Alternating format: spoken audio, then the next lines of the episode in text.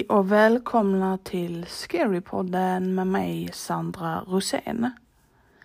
I veckans avsnitt så har jag en eh, berättelse som är lite eh, längre.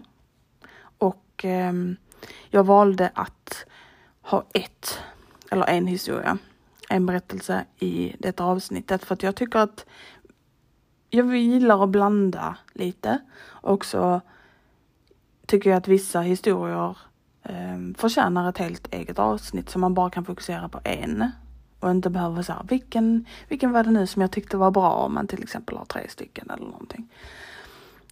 Men jag hoppas att ni gillar det och sen så vill jag väl också göra det för att amen, tillfredsställa er alla som lyssnar. Vissa kanske gillar att lyssna på en berättelse som är lite längre men vissa kanske tycker om när det är kanske tre olika lite kortare avsnitt. Så. Men som sagt, ni får jättegärna säga till mig på, på in, till Instagram. Får ni gärna, gärna skriva till mig där och säga vad ni tycker om detta och vad ni tycker om mest. Det hade varit kul att veta. Men jag tycker att jag ska sluta babbla nu så sätter vi igång på direkten.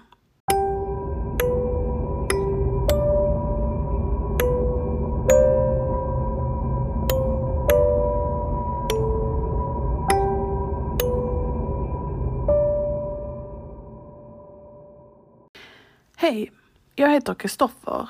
Ni kan kalla mig Chris. Något hände mig igår. Något oförklarligt. Jag antar att jag borde börja från början. Jag är född och uppvuxen i en liten by som inte är markerad någonstans på några kartor. Så bry dig inte om att fråga efter namnet. Du hittar det inte.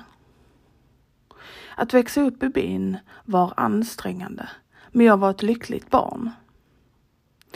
Det fanns några barn i min ålder och vi hjälpte våra familjer med boskap och grödor och vi lekte kurragömma på vår fritid. Vi hade aldrig internet och jag såg aldrig riktigt mina föräldrar eller någon från byn gå till stan för att köpa produkter. Byn är omgiven av en tjock skog som sträcker sig så långt ögat kan se. Det var inget märkvärdigt med byn förutom en sak. Det fanns en stor damm längst till vänster i byn. Den enda anledningen till att jag säger det är att barn och till och med vissa vuxna aldrig fick komma i närheten av den. Som barn ifrågasätter jag det aldrig. Jag gjorde som mina föräldrar sa, men allt eftersom tiden gick blev jag mer och mer nyfiken på dammen. Det var därför, en natt när alla gick till sina hem för att sova och vila efter en hård dag på jobbet, bestämde jag och en grupp av mina vänner att smyga ut och se vad som är så speciellt med den dammen. Vi samlades nära centrum av byn och gick ut till dammen.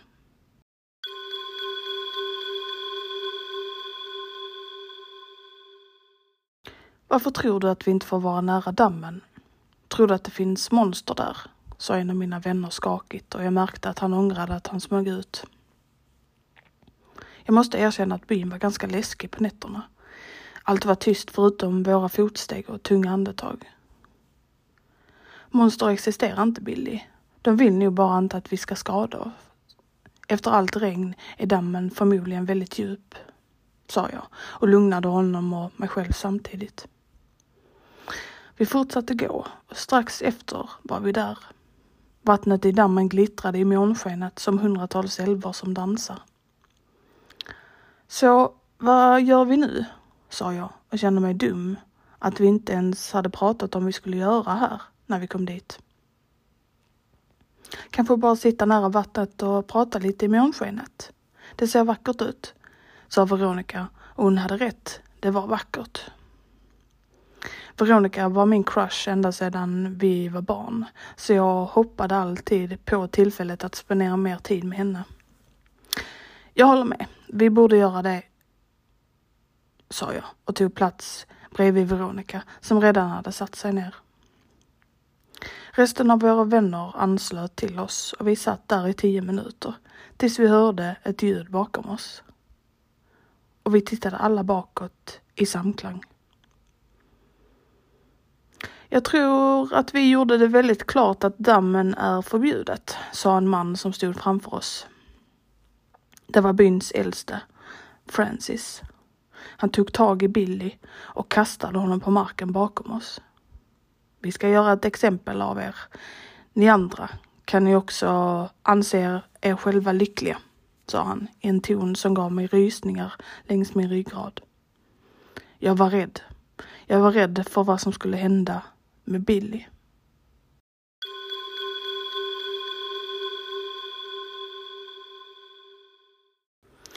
Vi gick alla hem och när jag kom till mitt hus stod min pappa utanför med en stor gren i hans händer.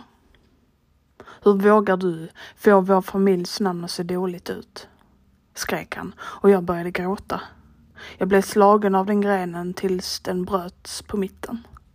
Mina ben, mina armar, min rygg, allt var uppsvällt, blått som natthimlen vi tittade på.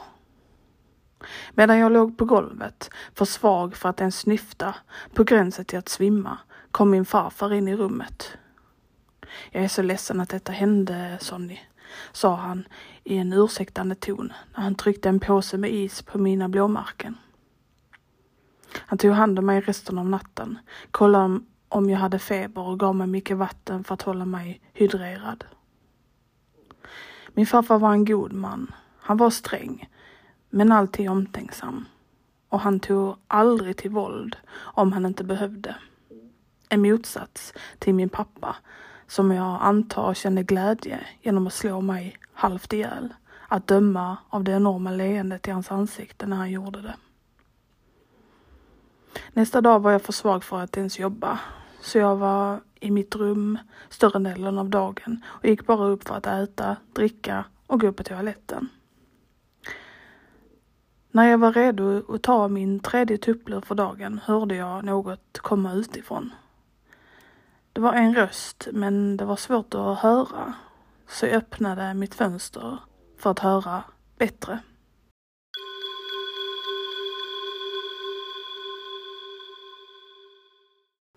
Jag reste mig varje del av min kropp gjorde ont. När jag kom fram till dörren och försökte öppna den insåg jag att den var låst. Allt var låst. Nej, nej, nej, kom igen, skrek jag när jag försökte öppna dörren. Det var till ingen nytta dock. Jag skulle inte komma ut förrän om någon låste upp dörren. Jag la mig i min säng igen, men den här gången kunde jag inte sova. Tanken på att Billy skulle få stryk eller ännu värre höll mig uppe. Jag väntade i vad som verkade vara en evighet tills jag hörde fotsteg och gråt utanför. När jag tittade ut såg jag några personer som hjälpte Billys föräldrar till deras hem medan de grät. Var är Billy undrade jag för mig själv när jag hörde ytterligare några steg närma sig. Mina föräldrar såg ut som om ingenting hade hänt. Men jag kunde se att något var fel på min farfars ansikte. När de kom in började min mamma laga mat medan min pappa fifflade runt med en av sina många verktyg. Min farfar, han kom dock direkt till mitt rum. Jag tittade på hans ögon som såg ut att vara fyllda med sorg. Farfar, vad hände? Var är Billy? Jag ställde frenetiskt mina frågor och behövde desperat ett svar. Farfar tittade på mig och suckade medan några tårar rann ner från hans haka. Billy är borta, Sonny. Jag är så ledsen, sa han medan ytterligare en uppsättning tårar forsade ner för hans ansikte. Vad menar du borta? Dödade de Billy? skrek jag när han plötsligt tystade mig.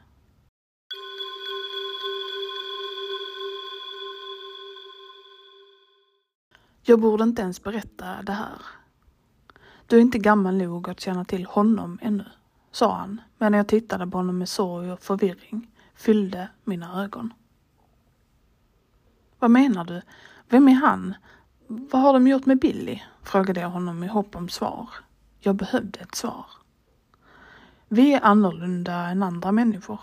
Vi har en förbannelse. En förbannelse som har funnits här i generationer. Vi måste följa reglerna, annars är vi kanske inte de enda som drabbas av det, sa han med en besegrad röst fylld av ledsamhet. Det finns en tradition som vi gör varje år. Jag kommer ta med dig. Förhoppningsvis ger det dig svaren du söker, sa han efter en lång paus. Jag borde inte göra det här, men du förtjänar svar. Du förtjänar att veta vad som hände med din vän, sa han medan han vände sig om för att lämna mitt rum. Han gjorde en paus och vände sig om innan han gick. Jag kommer till dig när dagen kommer. Var beredd mitt barn, sa han medan han vred på dörrhandtaget och gick, vilket lämnade mig helt yr av känslor. De kommande dagarna jobbade jag som vanligt och pausade ofta för att min kropp skulle läka. Jag var fortfarande illa skadad. Jag fick inte mycket sömn heller. Tänkte bara på vem eller vad han var och det gav mig mardrömmar varje gång som jag somnade.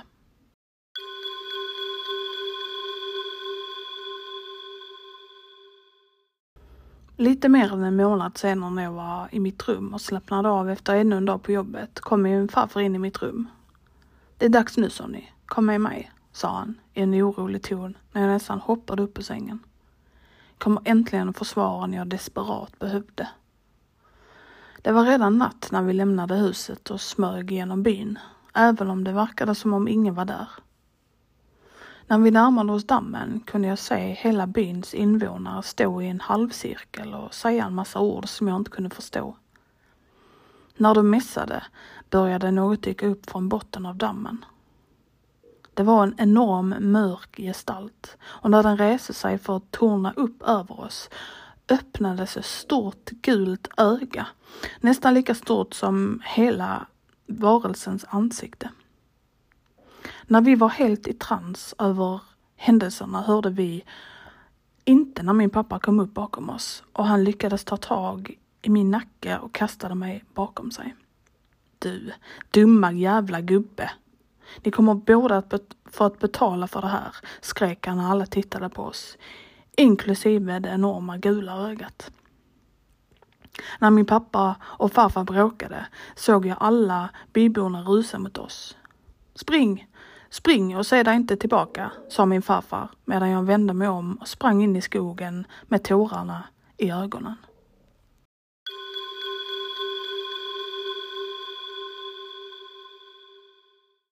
Jag sprang så i timmar och såg då och då en ficklampa.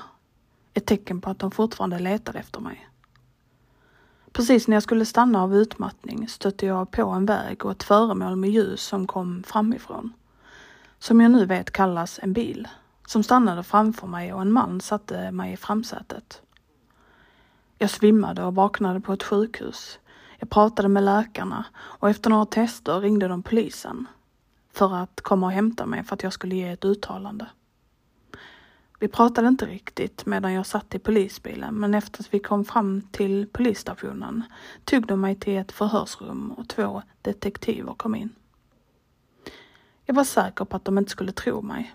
Men efter att de hade sett blåmärkena av mina trasiga kläder så skickade de ut en patrull för att undersöka skogen. Efter att jag lämnat min rapport flera gånger var jag fri att gå och jag gick till biblioteket för att skriva ner denna historia. Så det är där jag är just nu och skriver det här i hopp om att det skulle få mig att må bättre över hela situationen. Jag vet inte vad som hände med min farfar, men jag vet att om det inte var för honom skulle jag ha varit nästa offer till honom.